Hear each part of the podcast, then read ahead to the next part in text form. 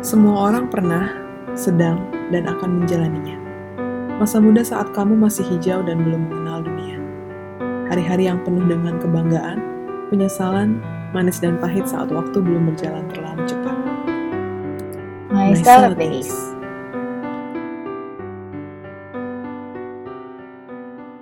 Tahun ini bulan puasa bertepatan dengan datangnya musim panas. Ngomong-ngomong tentang musim panas, sekarang kita sudah kedatangan seseorang yang identik dengan bunga matahari, tapi lemah dengan sinar matahari. Vini, Halo, hai. Kaku banget, Win. Iya, udah mulai ya? Udah mulai nih. Oke, oke, oke. Gimana kabarnya? Baik, baik. Yakin baik. Putri gimana? Biasa aja. Di rumah lagi ngapain aja sih sekarang? Kemarin tuh baru selesai final ke kampus. Itu sih final ujian. Oke, mungkin ada yang pendengar yang belum tahu siapakah Vini itu. Oh iya. Perkenalan sedikit ya. Vini, umurnya sekarang Oke. berapa? Iya, 24 tahun. Iya. Terus Udah jadi mbak-mbak biasa. tambah sipil ya. Iya, namanya Vini. Terus sekarang kuliah di jurusan interior design. Kamu bilang tadi kamu mbak-mbak biasa. Emang sebelum ini kamu mbak-mbak yang tidak biasa? eh bagi sebagian orang ya kali ya. Tapi kalau bagi teman-temanku sih kayaknya aku tetap mbak-mbak biasa.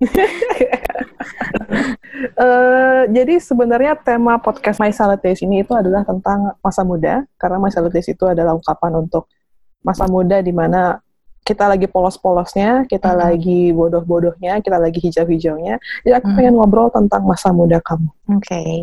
Menurut kamu, sampai kapan kamu merasa kamu seorang anak muda gitu? Mungkin di umur 18, 19 terakhir ya kan? Mhm. Iya.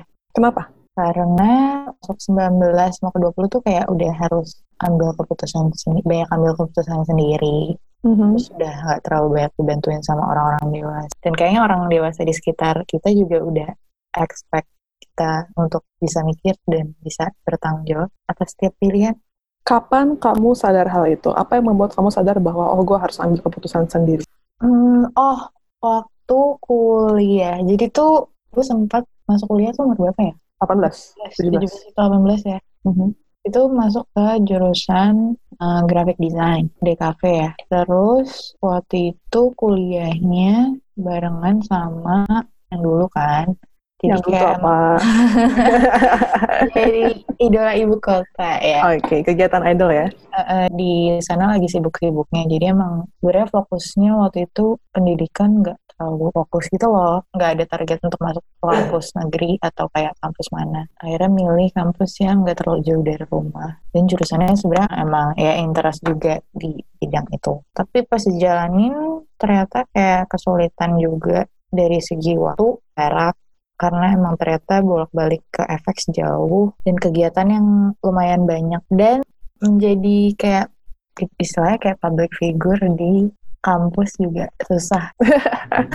Entah apa. Misalnya waktu itu pernah itu momen di mana mulai cari temen di luar. Jadi dulu gue itu TK sampai SMP di sekolah yang sama. Jadi temennya itu-itu aja. Masa kelas 1 pindah ke Jogja, kenalan sama orang baru, Mhm. Tapi masih dalam lingkungan yang kayak pindah ke Jogja ya temennya orang-orang Jogja. Nggak campur-campur. Tapi pas masuk kuliah satu kelas tuh campur-campur banyak kan. Maksudnya ada yang dari daerah mana ada Iya. yang dari sekolah mana Mhm. backgroundnya beda-beda.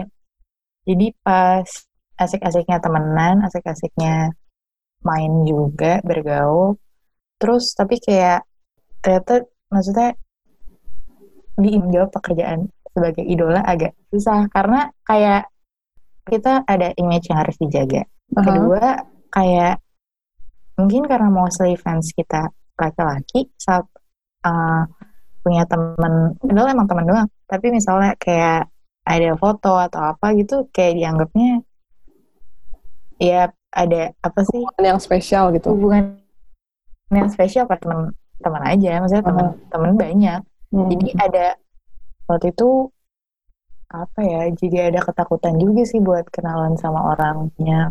Nah waktu itu pas kuliah karena kesulitan, akhirnya sempat ambil cuti. Mhm. Cuti, terus di di akhir cuti tuh kayak papa sempat nanya kayak gimana mau lanjut kuliah nggak? Nah, ya akhirnya aku bilang ya lanjut akhirnya bayarin kan uang kuliah terus ternyata pas masuk lagi hmm, entah kenapa mungkin eh, dari mata kuliah nggak ada yang kayak nggak membuat aku bersemangat Aha. terus kayak pas aku masuk eh, temennya juga udah beda kan karena aku eh, cuti jadi kayak masuknya ke kelas yang junior Ya, ya. ya udah kayak gagal lagi di momen itu tapi kayak ya itu pas pas masa-masa itu gagal lagi cuti lagi kayak tapi resah juga kayak hatinya gitu loh kayak ini sebenarnya gue mau ngapain? Maksudnya nggak selamanya bisa jadi idol juga. Mhm. terus kayak tapi untuk akuin kuliah di tempat yang sama aku kayaknya berat juga gitu bebannya. Apakah ini kayak salah jurusan atau apa? Akhirnya selama momen itu mulai mikir lah kira-kira ada jurusan yang cocok atau misalnya kayak akhirnya milih untuk pindah ke kampus yang dekat FX Mhm. jadi aku pikir mungkin kalau udah di Jakarta lebih mudah uh, bolak-baliknya gitu kan saat dulu masih kuliah yang notabene jaraknya jauh. I see. Heeh. Tapi Ada jurusan hmm. awalnya juga kayak bingung gitu. Tadinya mau masuk ke fashion, fashion, fashion apa? Fashion designer? fashion, fashion business. Oh, fashion business. Karena udah ngerasa banget desain tuh uh, takes time, terus kayak effortnya luar biasa, susah. Maksudnya tugasnya banyak. Oke. akhirnya apa mikir ambil fashion business aja ya karena ya interest di fashion juga dan Hmm. mungkin kalau bisnis kan lebih ke teori gitu kan Mhm. tapi pas sampai di tempat di kampusnya kayak oh kok kayaknya interior design menarik juga gitu Aha. dan waktu SMA tuh sempat kita kan kayak beda pilihan untuk SNM eh jalur undangan aku emang sempat masukin interior design kayak untuk tapi ya emang nggak ada harapan apa apa ya karena Oh. waktu itu aku tahu ya mendukung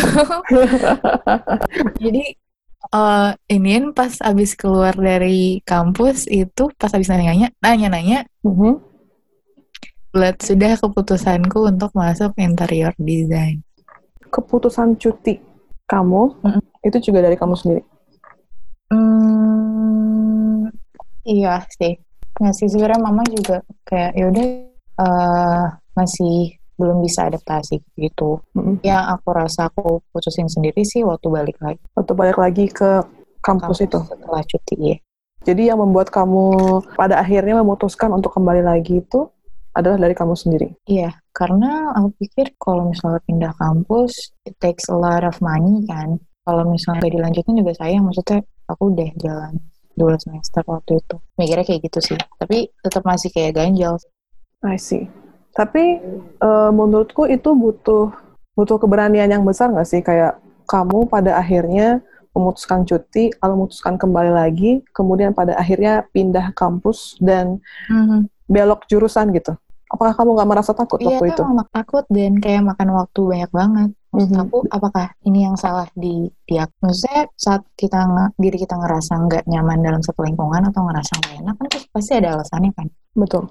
Apakah saat yang baru itu menjamin aku nggak akan ngerasain hal yang sama? Tapi emang mungkin karena umurnya waktu itu juga udah beda. Makanya aku sempat kayak mikir, wah anak SMA nentuin jurusan tuh kayak keren banget juga ya. Maksudnya itu yang akan dijalani mungkin untuk nanti. Jadi saat excitementnya saat aku pindah dan kayak pilih jurusan yang baru tuh beda saat sama yang pertama. Yang pertama tuh kayak, oh ya itu aja lah jurusannya gitu. Tanpa cons- consider jurusan yang lain. Tanpa kayak ada uh, waktu untuk kayak pilih-pilih atau apa. Waktu itu pilihnya itu, datang, rapotnya cukup, langsung Mhm. masuk. Udah gitu aja, se, se easy itu.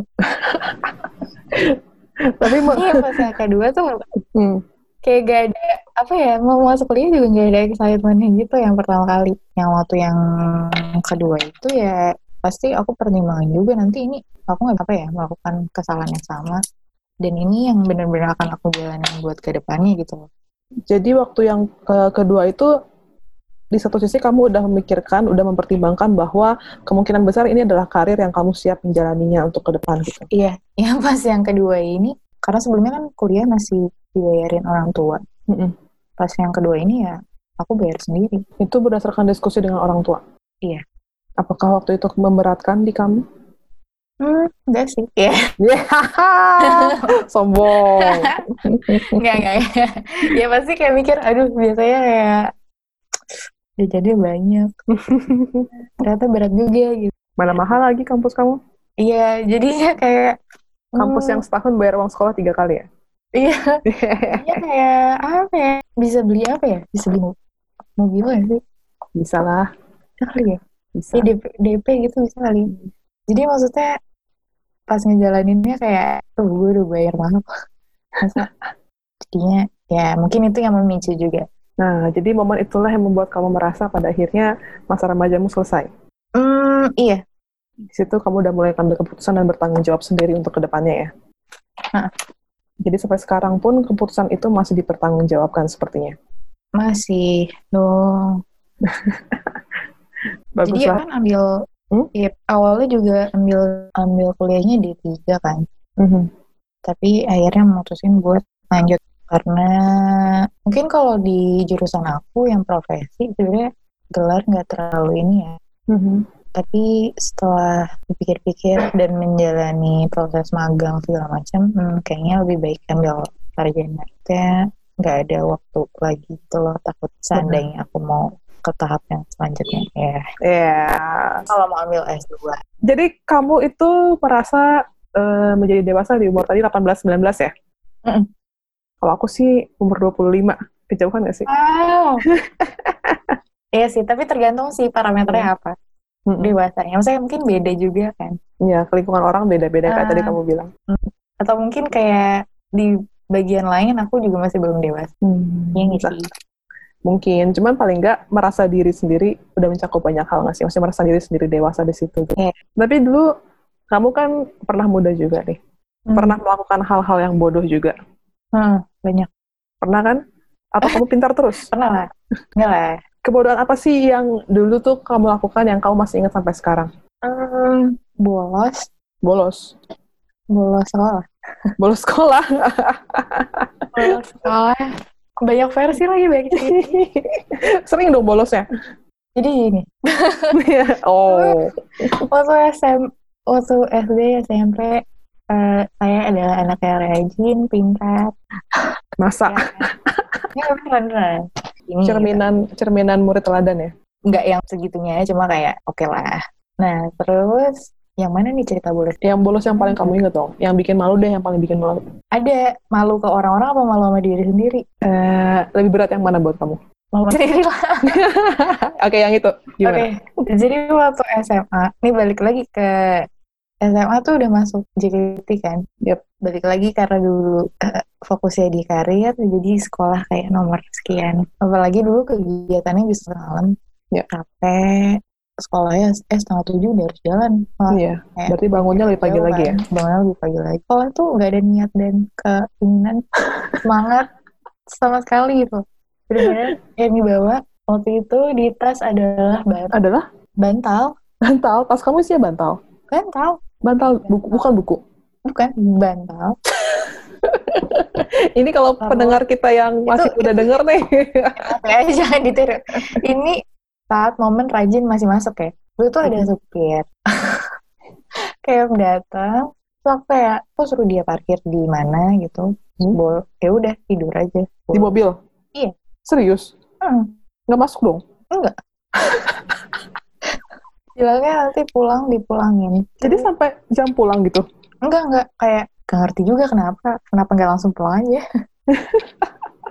Terus misalnya setelah itu kayak suka naik ojek langganan kan. Mhm. Ini kayak aku minta diturunin di eh, McD dekat rumah. Mhm. aku di McD aja sampai jam 11 gitu. Baru pulang. Serius? Serius. Tapi ini gak setiap hari ya. Kayak beberapa kali. Kamu lebih hardcore daripada yang kubayangkan. Maksudnya kayak dalam hal bolos-membolos ini.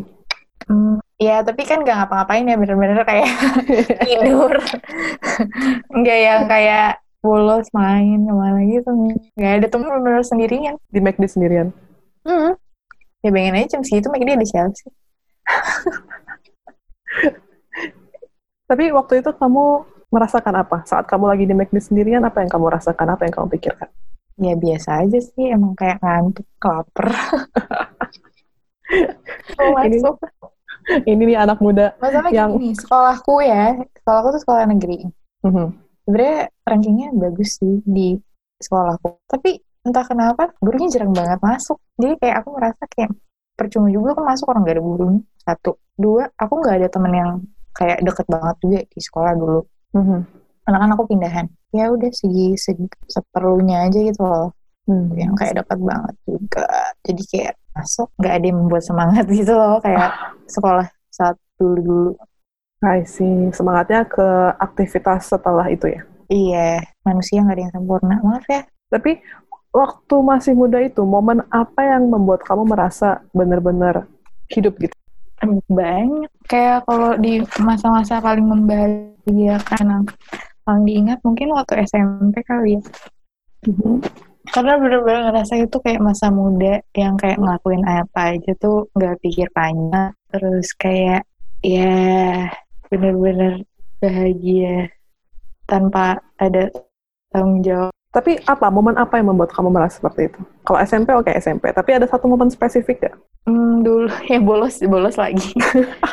Kamu suka bolos ya anaknya? bolos. Enggak enggak cuma waktu SMA itu doang. Sama sekali waktu SMP pernah bolos. Karena waktu itu kayak abis UTS terus menurut aku ini kayak ini kebandelan pertama aku. Tapi menurut aku menyenangkan banget. Jadi waktu itu kayak emang emang sebenarnya sekolah nggak ada pelajaran udah selesai UTS tapi tetap masuk cuma nggak ada pelajaran kan Hmm, hmm, jadi kita memutuskan untuk bolos karena Kita itu rame-rame ya. rame. dari kelasku aja kayak ada 10 orang kali ya Itu terus rame-rame as in banyak kelas yang bergabung. iya, iya. De- denger dulu ya ini panjang Oke, siap. Jadi ini kayak ber awalnya teman-teman aku doang nih berlima. Ini kita Hmm. lagi ng- ngumpul di koridor. Eh, iya tuh si itu juga gak masuk tadi nggak lulus ke sini bla bla bla. Ya tercetus lah deh. Apa kita nyusul aja gitu kan? Terus kayak iya mau ke rumah ini aja yuk gitu. Terus kayak Hmm. ya udah kita bolos dengan cara kocak banget. Jadi pertama kita lewat jendela di toilet. Pertama lewat jendela toilet. Iya, percobaan pertama. Terus teman gue naik, naik ke jendelanya tuh kayak nginjek eh malah kerannya bocor terus bajunya basah Bodoh. kayak tau gak momen yang kayak pintunya kebuka terus kerannya kayak Muncrat itu. muncul banget gitu iya terus kayak akhirnya baju dia basah terus kita kayak wah gagal nih terus akhirnya ternyata temanku yang lain bawa baju ganti Mhm. cobaan kedua adalah lewat perpustakaan SMA Mhm. Jadi SMP ku sama SMA tuh di tengahnya ada perpustakaan, terus itu kayak connect gitu loh. Oke. Nah di perpustakaan tuh ada pintu keluar kalau nggak salah ya. Eh tapi pas udah nyampe sana ternyata pintu perpustakaannya itu pintu keluarnya. Ah, Gagal lagi dong. gagal. Saat kita turun ke koridor, kita bertemu dengan teman kita seperti malaikat dia ngurusin event. Mhm. Jadi dia emang ada surat izin buat keluar masuk kan. Mhm.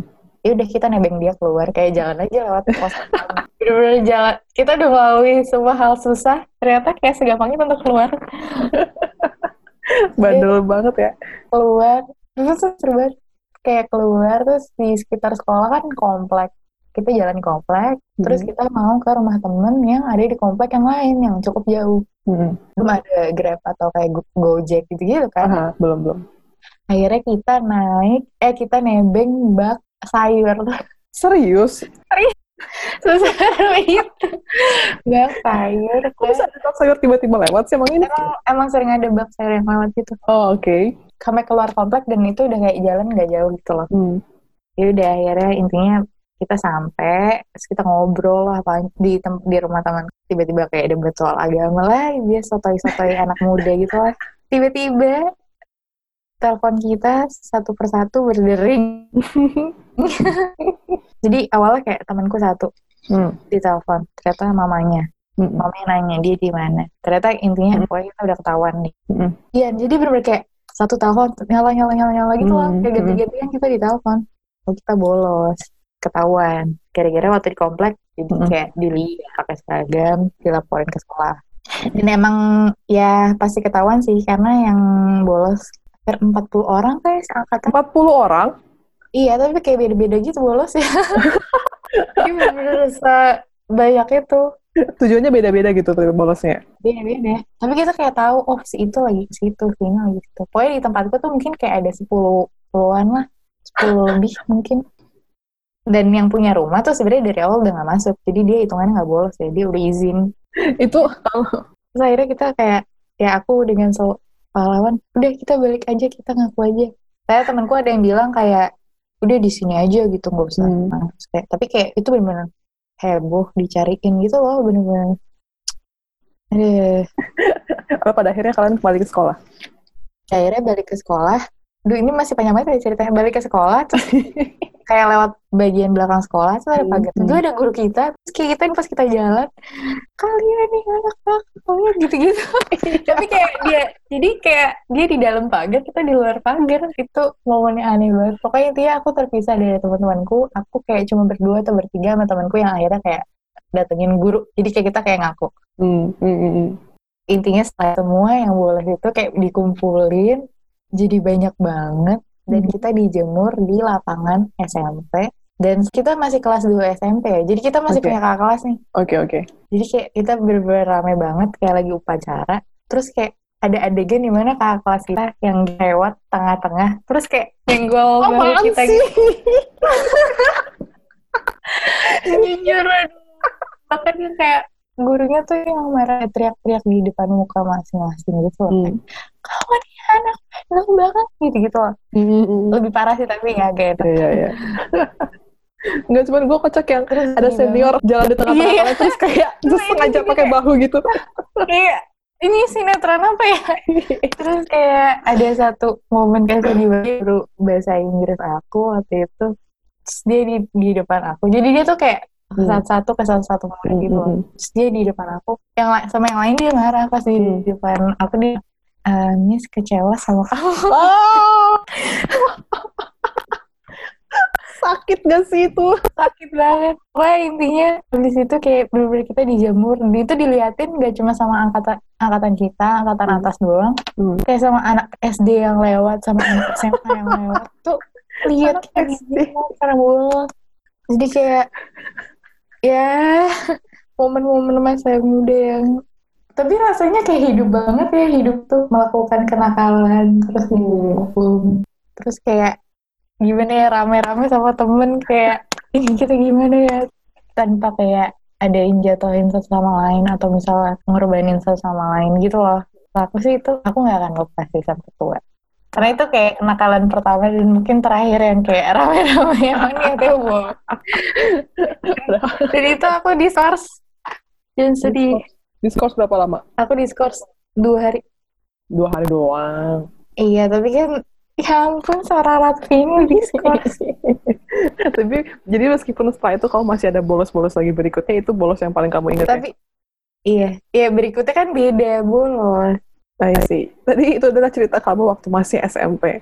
Sekarang Iya. SMP tuh berarti kamu umur berapa ya? 14, 15? iya 15-an kali ya 15 ya. Nah itu kamu 9 tahun yang lalu bisa bolos dengan bahagia gitu. Kalau Ah. kamu sekarang di umur 24 ini, kamu sekarang Ah. menurut kamu lagi ada di fase hidup yang kayak gimana sih? fase hidup yang hmm, apa ya penuh pertimbangan Ah, Iya nggak sih mhm. penuh pertimbangan dan ketakutan takutan ya nggak takut takut banget cuma penuh pertimbangan sih kalau mau melangkah mencoba sesuatu yang baru rasanya kayak udah nggak ada waktu maksudnya untuk gagal atau apa gitu kan? Mhm. tapi emang kayak masih ada perasaan ingin mencoba ini coba itu. Apakah kamu bisa senekat dulu dalam mengambil langkah sekarang ini? mungkin enggak sih. Pasti per- banyak banyak pertimbangan balik lagi. Nggak akan kayak dengan alasan ya aku suka atau salah ya aku rasa aku bisa tanpa kayak ada bukti. Terus jalanin. Gitu aja tanpa ada kayak jaminan gitu lah. At least akan gain something saat ngelakuin itu dan ya rasanya nggak tahu ya untuk Indonesia cewek 24 tahun itu udah kayak kayak dikejar waktu ya Enggak lah, maksudnya Iya. kayak cewek itu eh, buruknya adalah kenapa kita harus menaruh tanggal expired di kita Nah, sendiri gitu. sebenarnya enggak kan tapi mungkin di umur aku yang sekarang mikirnya kayak gitu Hmm. ngerti ya dan aku yakin saat aku udah ngelewatin fase ini pun aku ngerasa itu akan jadi hal yang biasa aja Mm-mm. Tapi sekarang di Mhm. momen ini aku lihat teman-teman yang nikah Mm-mm. terus kayak banyak dari mereka yang udah achieve something gitu lah yang kayak udah mendapatkan sesuatu Mhm. kok kayak rasanya kayak dikejar-kejar aja dan kayaknya kayak melihat mereka tuh kayak ada rasa keren juga ya maksudnya mereka udah puas dengan hidup mereka berarti maksudnya untuk hidup mereka sendiri ya kayak Mm-mm. untuk berbagi kehidupannya dengan orang lain Mhm. sedangkan aku belum ada perasaan ha, perasaan itu sama sekali Tapi memang orang tuh apa ya, kayak beda-beda nggak sih place-nya?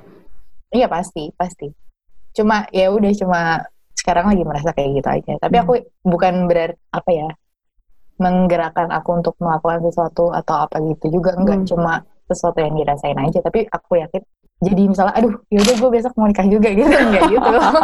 Aku aku tetap menjalani hidupku seperti yang aku mau. Hmm, jadi meskipun tidak kamu- mempengaruhi. Tidak mempengaruhi ya, meskipun ada perasaan kayak dikejar-kejar itu pun, tapi kamu masih pengen hidup tetap sesuai apa yang kamu sesuai. Iya inginkan. benar-benar Itu suatu hal yang berani juga sih menurutku, karena ada orang-orang yang mungkin takut juga, entah takut expire atau takut gimana, pada akhirnya mereka menyerah pada tekanan itu gitu.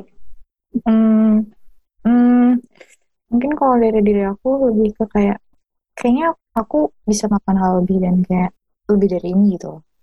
Mungkin emang keseringan lihat yang lebih tinggi jadinya kayak Tapi itu wajar sih menurutku dan kayak butuh usaha juga dan keberanian juga untuk itu. Aku kemarin baru nonton Hmm, film terus hmm. ada yang bilang bahwa in the end you will get what you settle for. Jadi kamu ya kan? oh that's true, iya benar.